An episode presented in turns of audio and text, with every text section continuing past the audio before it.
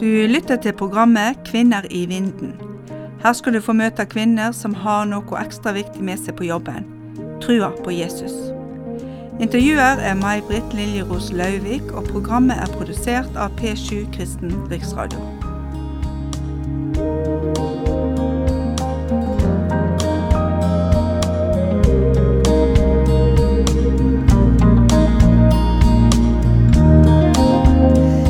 Den kvinnen som er i vinden i dag, heter Cecilie Skaar. Du har vært med i dette programmet en gang før, for en del år siden. Da gikk du på Bildøy bibelskole. Men eh, hva arbeider du med nå? Du, nå jobber jeg som Avana-konsulent i IMF Ung, altså Indremisjonen sin Ung-avdeling. Ja, hva går det arbeidet ut på, da? Du, jeg jobber med et opplegg som heter Avana.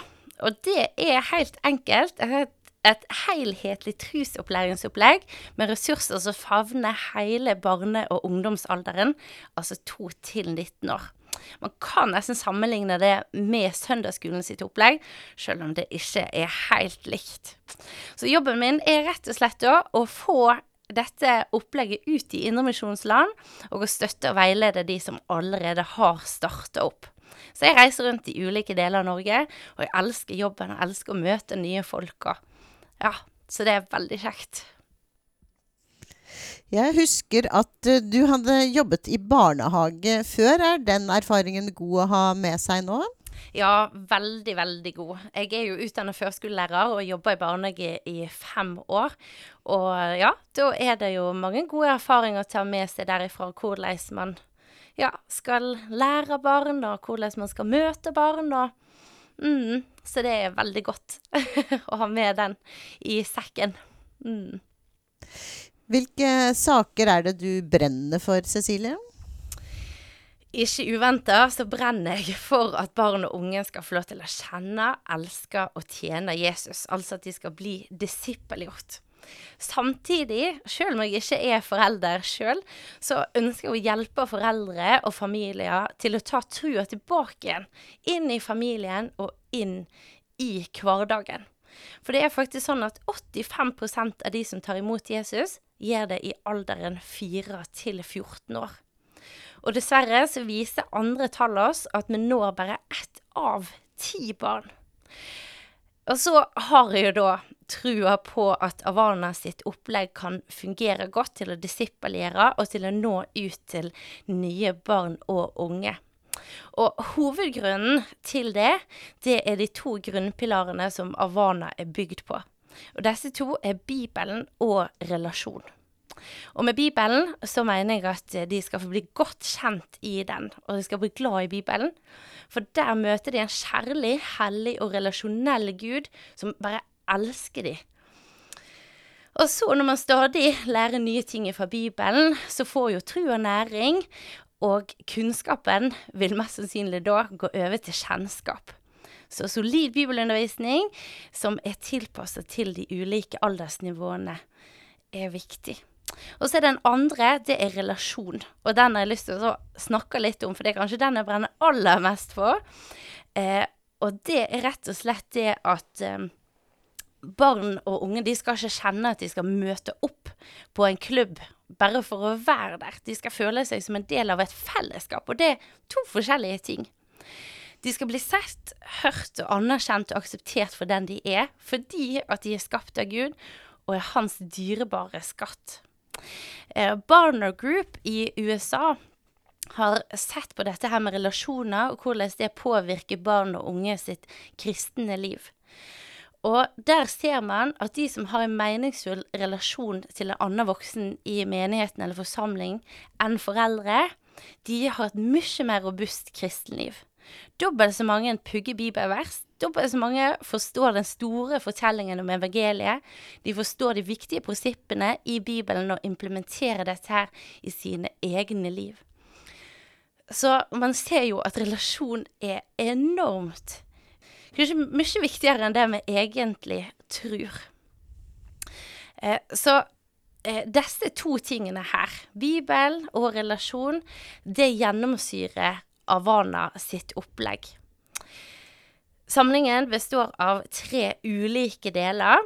Den første kjenner vi veldig godt igjen i Kristen-Norge. Det er felles undervisning. Men det som er spesielt med Havana, det er det at undervisningen alltid er livsnær. For det merker jeg når jeg reiste rundt eh, som barne- og ungdomsforkynner, at eh, mange de fortalte bare bibelhistorier, og så glemte de å fortelle hva dette hadde å bety konkret inn i barnets liv. Og så er det den andre delen, da, som eh, kanskje er litt sånn ny for oss, og det er smågrupper. Men med hjelp av faste grupper, som ledes av faste ledere, så får man snakke om undervisningen, og man sikrer at de blir tatt inn i fellesskapet. At de blir sett én og én, og i mindre grupper. Og det er nok her den største delen av relasjonsbyggingen skjer. Og så er det en siste del som man kaller leik eller aktivitet. Og her knytter man bånd på andre måter. Sant? Man leker sammen, tuller og tøyser og ler. Og da bygger man òg relasjon. Så vi har fått mange gode tilbakemeldinger på dette her, og jeg eh, bruker dette her sjøl i jobben min og merker at det funker. Og jeg tror som sagt at det handler mest om eh, fokuset på relasjon. For jeg hørte for eh, eh, noen år siden at det var et barn som sa jeg skulle ønske at det var en mobiltelefon, for da hadde mamma og pappa sett meg. Så nevnte jeg litt at jeg brenner for foreldres rolle. Um, for det viser seg at foreldre har to til tre ganger mer, altså større påvirkning på trua enn søndagsskolelederen har, eller lagslederen har. Og dessverre så tror jeg at mange familier har overlatt trusopplæringen til menigheten. Og det er fryktelig dumt når den beste trosopplæringen skjer i heimen. Så i Havana-opplegget så har lederen en egen undervisningsbok pluss en lekebok. Mens ungene de har egen håndbok som de tar med seg hjem og bruker i familien. Og denne boka er da tenkt som et verktøy for å snakke om tru. Det kan være som en oppstart, om man kan ha på en måte dagens, eh, dagens aktivitet sammen som familie rundt denne boka. Men så er det jo ikke sånn at man disippelgjør ut ifra å lese denne boka. For man, når man lærer barn bordskikk, så gjør man jo ikke det ved å ta fram ei bok og lese noen tekster og snakke gjennom noen spørsmål. Nei, du gir påminnelser, instruksjoner og ulike forklaringer gjennom dagen. Og det er jo sånn det skal være med trusopplæringen òg. Vi må minne ungene og hverandre om Gud i det vi holder på med i løpet av hverdagen, og vise at han er en del av dette. Så det er dette jeg kjenner at jeg brenner veldig for, både i jobben, men òg i fritida. Ja, jeg hører det, at du er veldig dedikert til, til jobben. Eh, så uh, du sier du brenner for det på fritida òg, men uh, gjør du ikke noe annet enn å reise rundt til uh, barneforeninger? jo, det gjør jeg, du. På fritida så driver jeg ei bibelgruppe for noen ungdommer i Nordhordland som er 18-19-20 år. Og så er jeg ellers med venner og familie. Og så er jeg en del av Misjonssambandet sin forsamling i Bergen, som heter Salem. Så jeg reiser masse, masse på besøk til venner. Heldigvis bor eh, mamma og pappa ikke så langt unna. Så, um, så ja, så jeg er på minst to-tre middagsbesøk i uka. Uh. Ja, men da er du jo heldig. Ja, veldig. mm. Jeg har også bedt deg om å velge en sang du liker, så hvilken vil du trekke fram da? Du, jeg har lyst eh, å dele en sang som heter 'Thank You Jesus for the Blood' av Charity Gale. Altså 'Takk, Jesus, for blodet'. For jeg syns det er viktig å minne meg sjøl om evangeliet hver dag. Og det kan man gjøre på ulike måter. Noen ganger sånn så kan man lese tekster fra Bibelen, helt konkret. Noen ganger så ber man å takke for den. Um, det er fint å se filmer på YouTube, eller synge de. Så akkurat denne sangen her hører jeg ofte på, nettopp for å minne meg sjøl om evangeliet. Og så er jo han på engelsk. Jeg har veldig lyst til å bare oversette refrenget. Eh, for der synger hun 'Takk, Jesus, for blodet som er påført'. Altså det, det Gud har, har lagt på oss. Takk, Jesus, det har vaska meg hvit. Takk, Jesus, du har redda livet mitt og brakte meg fra mørket til det strålende lyset.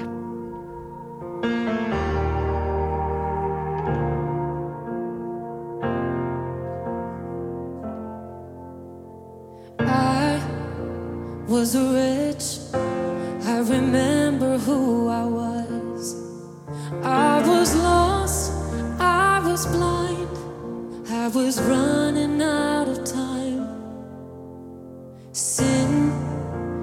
separated, the breach was far too wide. But from the far side of the chasm, you held me in your sight. So you made a way across the great divide, left behind heaven's throne to build.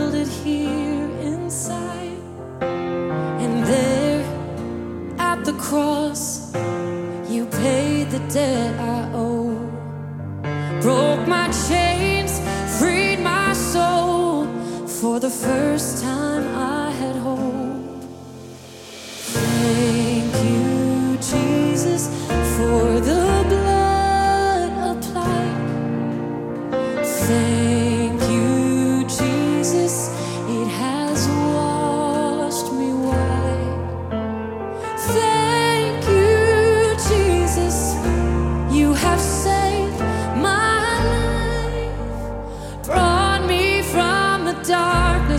into glorious life.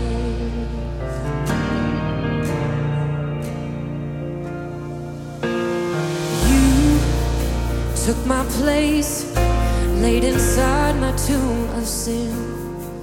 You were buried for three days, but then you walked right out again, and now death.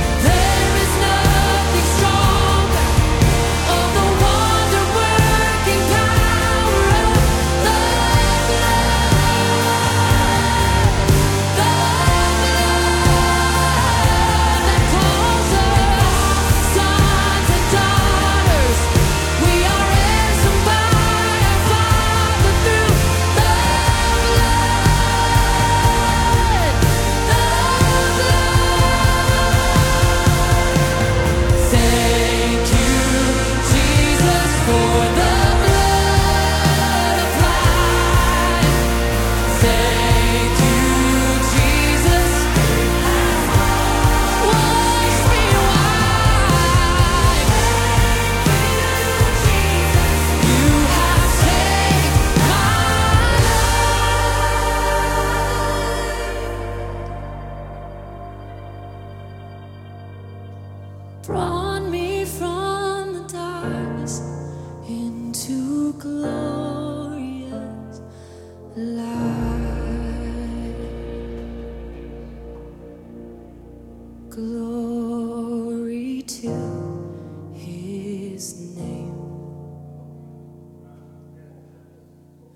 Glory to his name. There to my heart was the blood applied. Glory to his name. Da har vi hørt eh, sangen 'Thank You Jesus', og den kvinnen som er i vinden i dag, heter Cecilie Skaar. Hvordan var det du ble en kristen, Cecilie?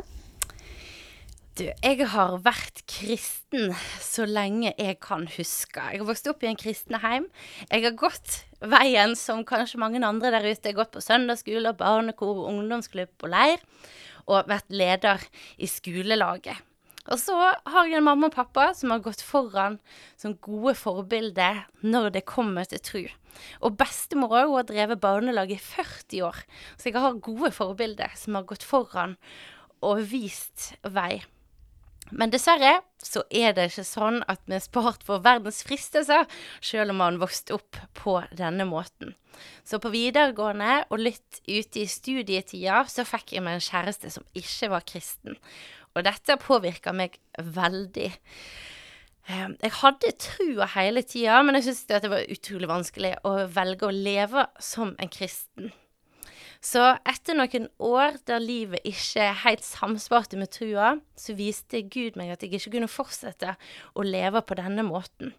Og etter hvert så fikk jeg et enormt behov for å få kristne venner, ha kristne eh, venner og folk rundt meg utenom min familie. Så jeg gjorde det slutt med kjæresten min, som jeg hadde vært sammen med i tre og et halvt år, for å følge Guds vei for livet mitt. Eh, Og det var jo ikke bare bare, men jeg greide ikke å gjøre noe annet. Eh, og på samme tid så kaller Gud på tremenningen min, som er litt yngre enn meg. Så vi var liksom ikke så masse sammen. Men heldigvis så førte Gud oss sammen, og vi reiste på møte overalt i Nordhordland. Og litt i Bergen, og ja, der vi kunne gå, der var vi. Og etter hvert så ble vi invitert inn i ei god bibelgruppe. Der eh, satt vi og snakka til langt ut på natt. Og mange ganger så husker jeg at jeg fikk ikke mer søvn enn tre til fire timer før jeg skulle på jobb dagen etter. Men jeg var bare Jeg var så desperat etter å forstå evangeliet og på å ja, få mer bibelkunnskap. Så der gikk vi gjennom romerbrevet. Så gjennom dette så åpenbarte Gud evangeliet for meg, og det var jo helt fantastisk. Så det var liksom første steg, da. Og så kjente jeg etter hvert at ja, jeg har ikke nok bibelkunnskap, og hvordan skal jeg få dette her til? Jeg skulle ønske at jeg kunne gått på bibelskole og jobba samtidig, for jeg har vokst opp på en gård og har jobba siden jeg var liten, så det var litt sånn rart å skulle gå på en vanlig bibelskole og bare gjøre det. Eh, og så slapp jeg ikke denne tanken helt, men jeg visste ikke hva jeg skulle gjøre med det. Helt til Asle Hetlebakke, som den gang var kretsleder i Nordhordland Indremisjon, spurte om jeg ville gå på T2 på Bildøy. Og T2, for de som ikke vet det, det er andreklasselinja til Bildøy bibelskole. Der er man ute i praksis, altså jobbe. og så får man undervisning på, eh, inne på bibelskolen. Så det var jo et fantastisk bønnesvar for meg, da. Jeg fikk jobb og bibelskole i ett. Så sier det, har jeg vært i misjonen. Ja. Ja, jeg pleier å spørre om du har opplevd noe spesielt i ditt kristenliv. Det går vel kanskje litt på det du akkurat har fortalt? Ja, eh, det gjør det. Og, og da har jeg lyst til å trekke fram kanskje det jeg syns er størst akkurat nå, da. Og det er det å kunne følge disse her ungdommene i bibelgruppa som jeg nevnte.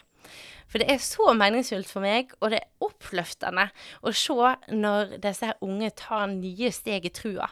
Når de har sin første andakt, når de ber høyt. Og nå har faktisk en del av denne gjengen min da overtatt en annen bibelgruppe som jeg har hatt noen år. Og så er det stort å se ja, hvordan Gud jobber. Men det er jo selvfølgelig noen utfordringer med det òg. Det skjer store endringer i, eh, i løpet av disse årene, så man skal liksom greie å tilpasse seg det. Og så er det jo sånn når man jobber med mennesker, eh, så finner man på en måte ikke det rette svaret på hvordan man skal løse situasjoner eller ja, utfordringer som man møter på. Men eh, ja, det er fantastisk å, å kunne være litt sånn mentor og, og veilede de. Eh, og vise de veien til Jesus. Så du synes Jesus eh, hjelper deg med å, å takle dagen og Å, absolutt. Mm. Det er helt avhengig av han. Mm. Kan du nevne en kvinne i Bibelen, og hvorfor du ser opp til henne? Ja, det kan jeg. Jeg eh, har eh, de siste årene jobba litt med ei dame som jeg kan lese om i Dommerne kapittel fire. Og det er Debora. Hun var jo helt vanlig kvinne som hadde en nær relasjon til Gud. Faktisk så nær at mennesket kom til henne for å høre hva Guds vilje for deres liv var. Ehm, og der har jeg lyst til å trekke fram kanskje fire ting, da, som gjør at jeg ser veldig opp til henne. Eh, for en dag så får hun jo beskjed fra Gud om at hun skal sende bud på Barak, som var hærføreren for israelsfolket. Og så skulle hun videreformidle en beskjed. Og så eh, kaller hun på han. Og så, og så forteller hun det at han skal ta med seg 10 000 menn opp til Taborfjellet. For, og så skal han da eh, vinne seier over Sisera, som er hærføreren til fienden. Så hun tør rett og slett da å, tale på vegne av Gud. Det tenker jeg sånn Ja, det er litt skummelt. Jeg syns i hvert fall det. Og vi skal jo alltid sjekke eh, det vi får på Guds ord, og gå liksom varsomt frem før vi eh, formidler et budskap til andre mennesker. Eh, for det uttrykket Gud sier, osv., det, det har veldig stor makt. Men Deborah hun er overbevist, og så går hun på det som Gud har sagt. Så det er det. Ja, hun tør å si det Gud forteller. Nummer to, det er det at hun er en trufast venn eller kollega, alt etter sånn hvordan man ser det. For etter at Barak har fått denne her beskjeden, så sier han at han ikke kommer til å gå alene. Hvis hun er med, da er det liksom, da er det ingen problem. Men hun gjør det. Hun går med sin venn eller kollega, alt etter sånn hva man kaller det, går hun sammen med de. 10 000 menn ut i det som kanskje ser ut til å utvikle seg til å bli en krig. Men hun er ikke redd. Hun er trufast. Og så kan man jo tenke seg at hun kanskje kjenner hjertet til Barak. For, for eh, når de holder på å gå oppover til eh, Tabofjellet, så, så eh, sier hun at eh, ja, jeg skal gå med deg, og men Barak, bare sånn at du vet det, så er det ikke gjennom deg at denne her seieren over Cicera skal skje. Det er ved kvinner. Så bare du må liksom ikke bli høy på deg sjøl. Du må passe på hjertet ditt. Og den siste tingen, det er det at hun kjenner tida. Eh, Vi kan lese litt utover kapittelet at hun sier opp, for dette er dagen da Herren vil gi Cicera i dine hender. Herren går foran deg.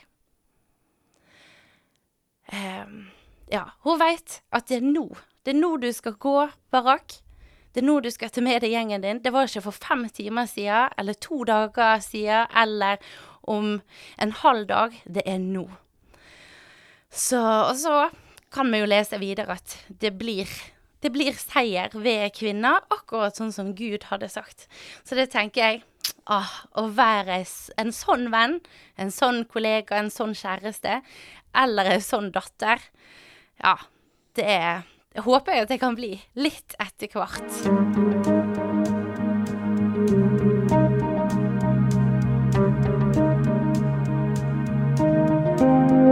Du har lytta til programmet Kvinner i vinden.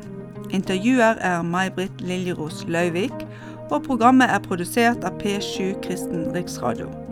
Har du kommentarer, spørsmål eller vil ha kopi av programmet, så send oss en mail på post krøllhalfa p7.no.